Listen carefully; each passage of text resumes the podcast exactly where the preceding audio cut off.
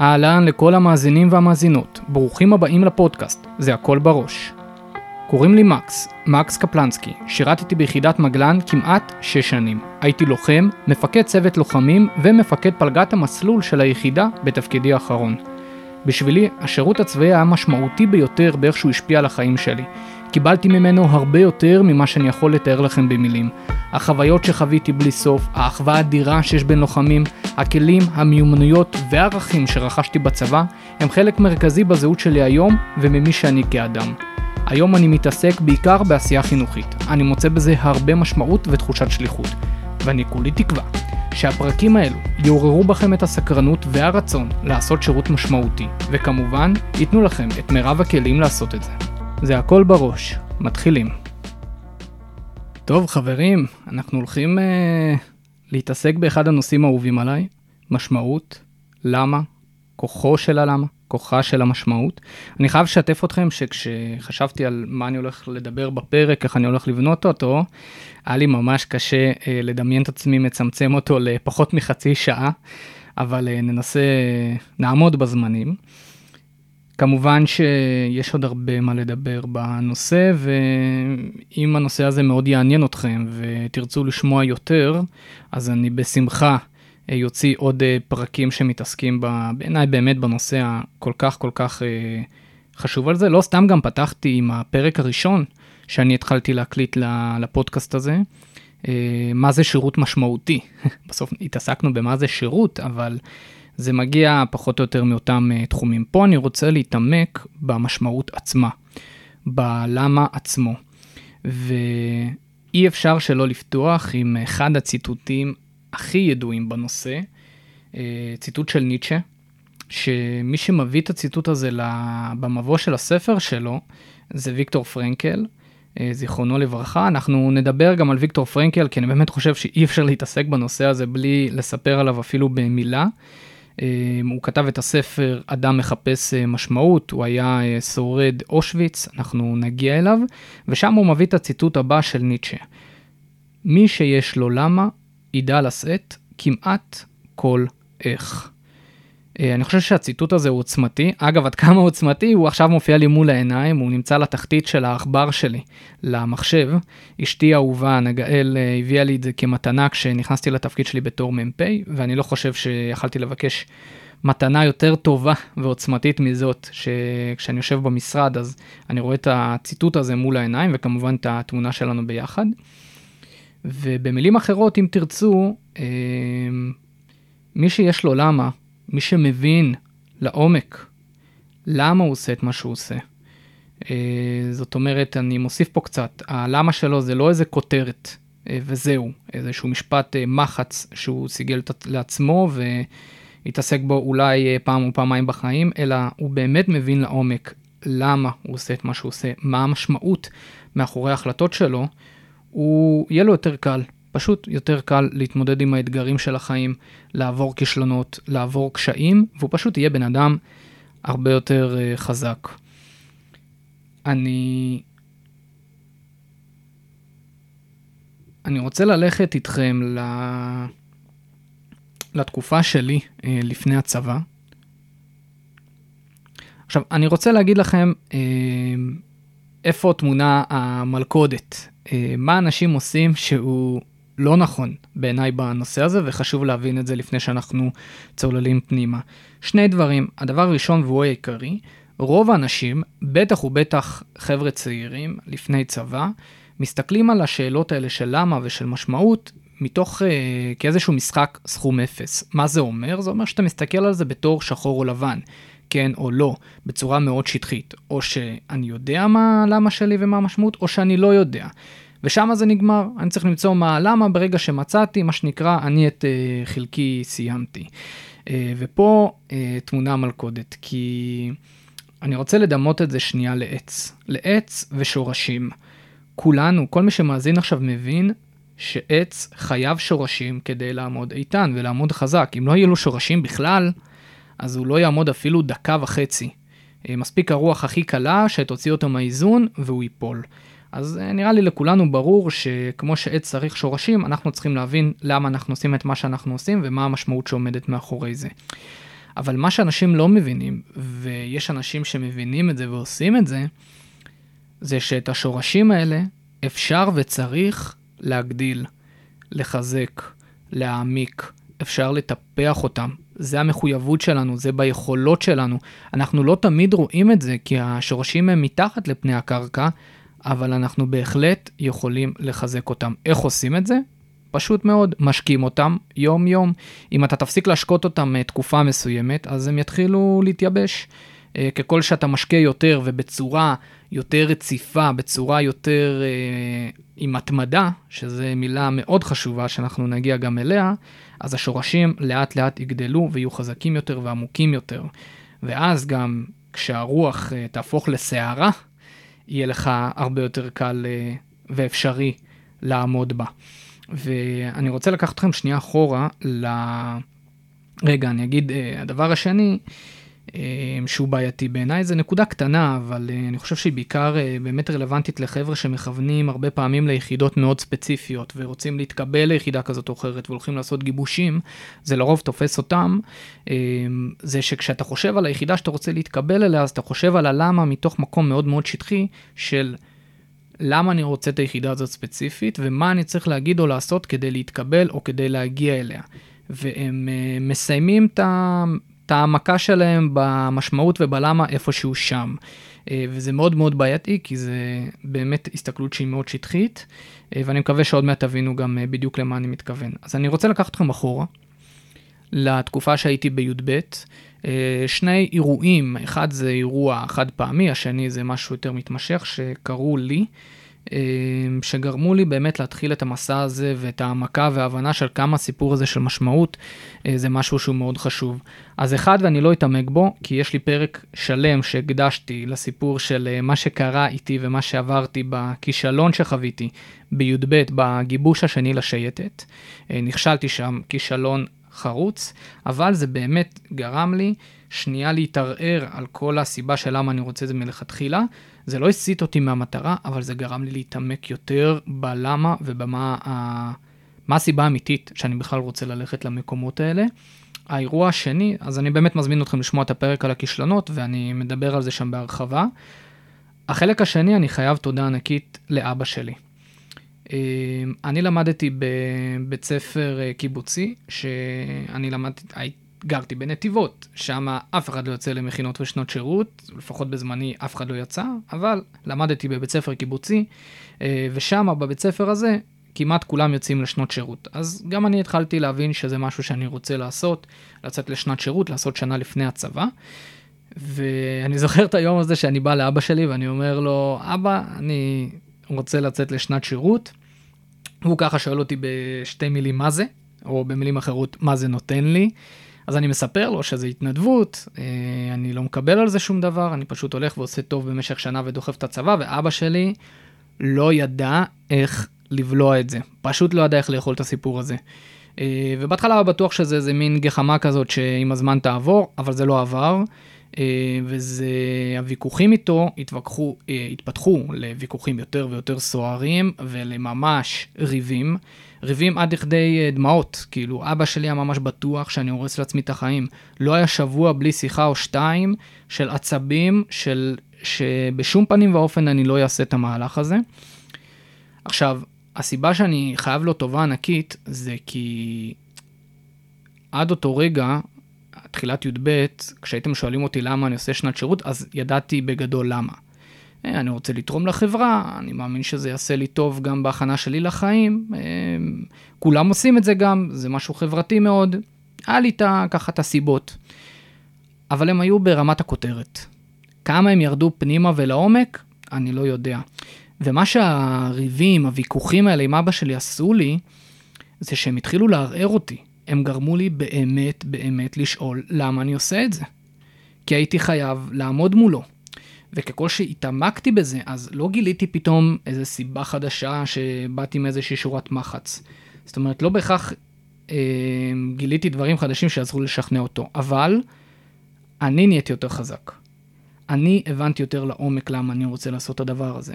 אני התחלתי להתערער על הסיבות שלי, וזה גרם לי רק להעמיק בהם יותר ויותר, ובסוף יצאתי לשנת שירות, ואני הכי שמח על זה בעולם, אבל החוויה הזאת לימדה אותי כמה חשוב להבין לעומק, להתעסק בזה, למה אתה באמת רוצה לעשות את מה שאתה הולך לעשות, גם אם זה נראה לך אה, הכי מובן מאליו.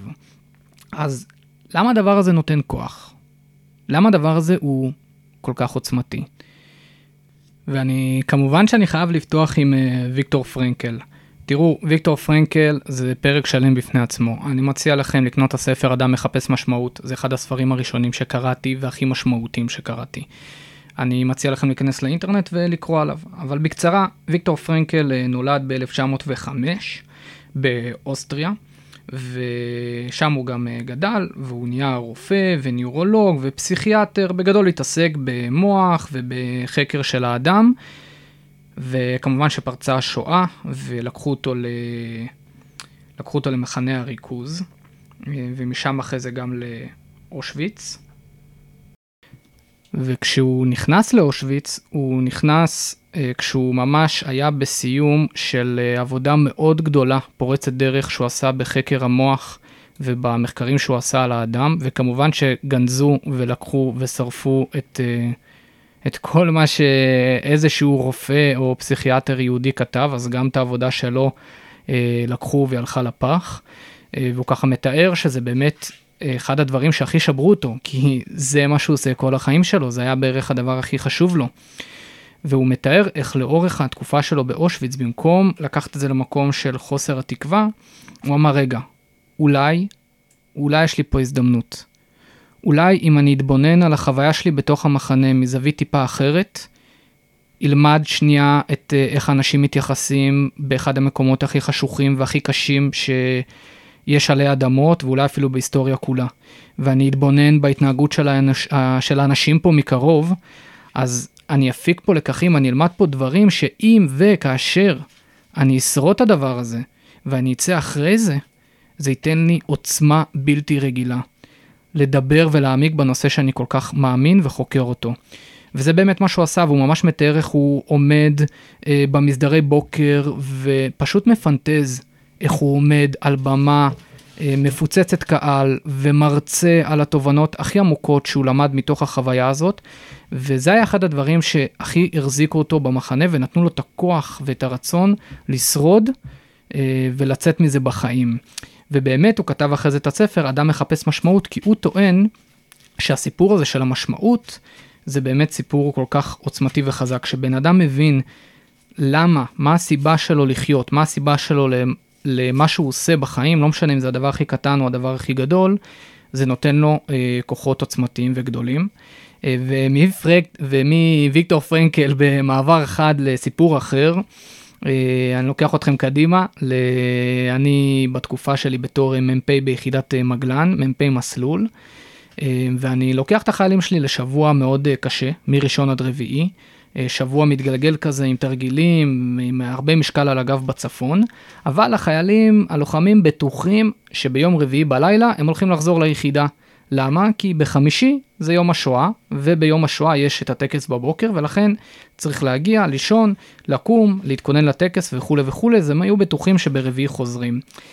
ההלם שהיה להם בעיניים זה היה פשוט מטורף. כשהם ירדו מהאוטובוס ב-4 לפנות בוקר והם ראו שהם למרגלות אה, הר הברקן אה, והם ראו את האלונקות והם היו פשוט בהלם טוטאלי כי אני תכננתי שהטקס לא יהיה ביחידה אלא את הטקס שלנו בהפתעה אנחנו הולכים לעשות אה, במעלה ההר. והחבר'ה פשוט היו שבורים. הרמה המנטלית שלהם הייתה נמוכה מאוד, המורל היה בתחתית, באמת פשוט אה, שקט ו... חסר חיים, ממש, אה, ממש פשוט ככה. ואחד החיילים, סבא שלו הוא שורד אושוויץ, והוא דיבר איתי עוד בתחילת השבוע שהוא רוצה אה, שה, שסבא שלו ידבר עם, ה, עם החבר'ה. ואותו שיתפתי בסוד הקטן, וסיכמנו שלפני שאנחנו נעלה את המסע, אנחנו נתקשר אליו, נעלה אותו על רמקול, והוא הולך לדבר ממש איזה 5-6 דקות עם כל הפלגה. עכשיו תדמיינו את הסיטואציה הזאת, עוד מעט זריחה, כל הפלגה עומדת שם, רמקול, ואותו סבא מדבר עם כל הפלגה, עם רעד בקול, מתרגש בטירוף, אומר איך אפילו בחלומות הכי ורודים שלו ובפנטזיות שלו הוא לא דמיין שתהיה לנו מדינה יהודית.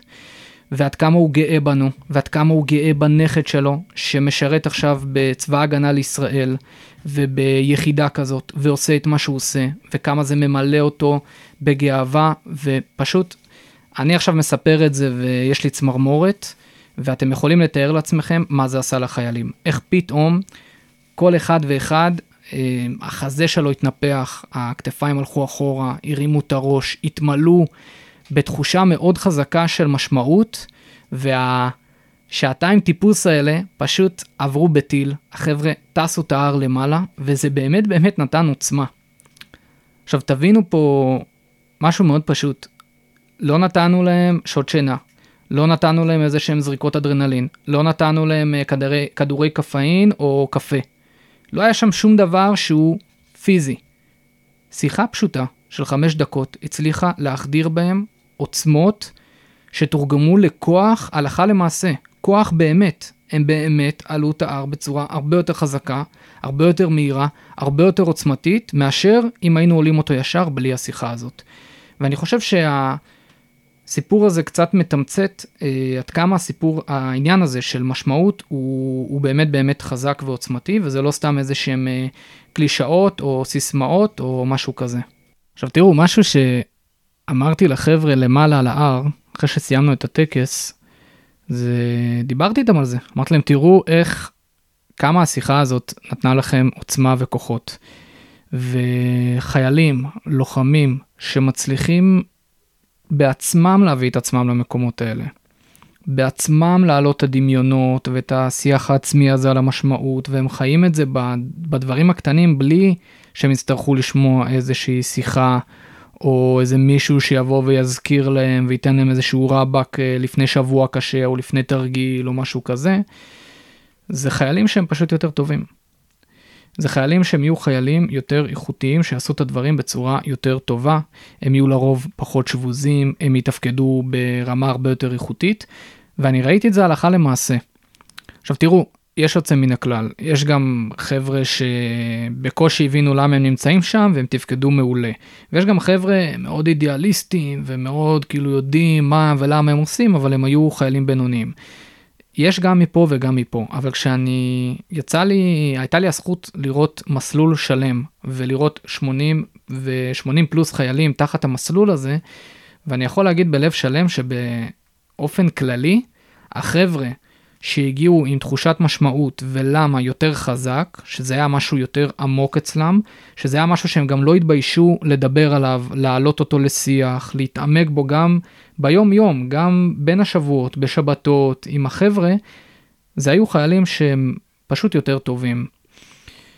והבעיה הנוספת בהיבט הזה זה שהרבה פעמים חבר'ה לוקחים את זה קצת כאיזשהו מובן מאליו.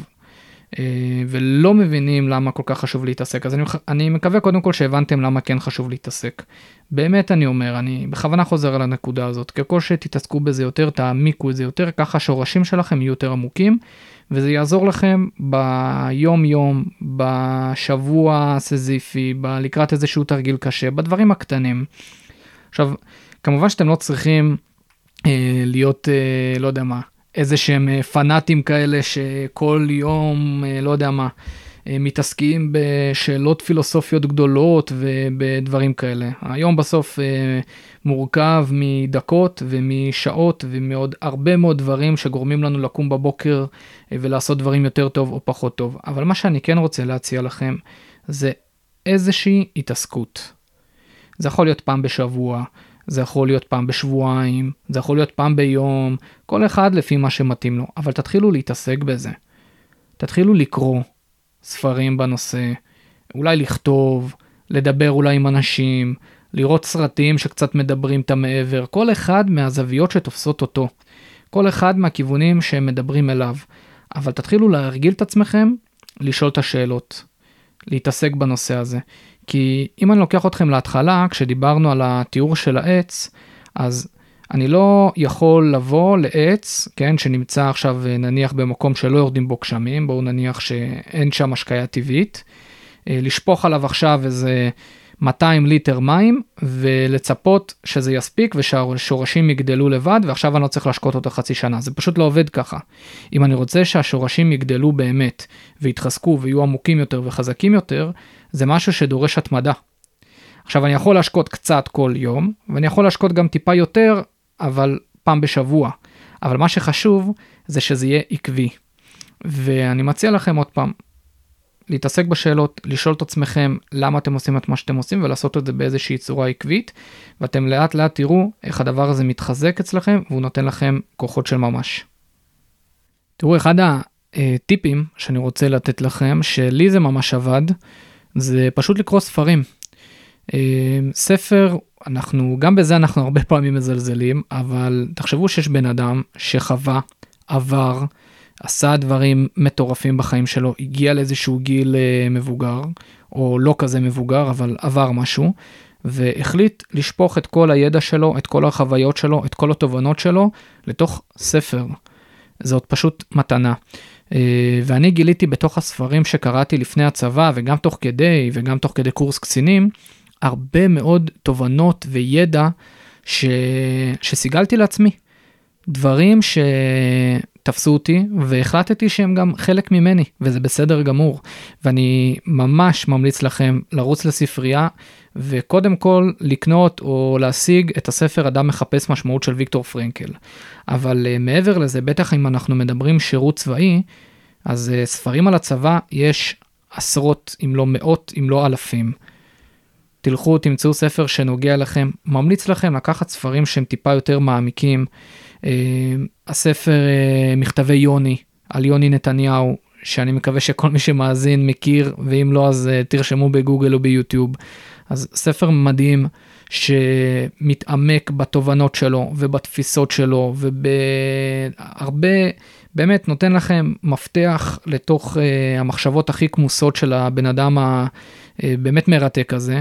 אה, וזה רק דוגמה אחת, זאת רק דוגמה קטנה לספר שהוא בעיניי מדהים, ויש עוד, אמרתי לכם, אלפים אם לא יותר, אז איזשהו טיפ ממני אליכם, לכו, קחו ספר בידיים, תקראו ותתחילו להעמיק את השקפת העולם שלכם, את התובנות שלכם, את הלמה שלכם, את המשמעות שעומדת מאחורי הרצון שלכם להתגייס ולעשות את מה שאתם עושים.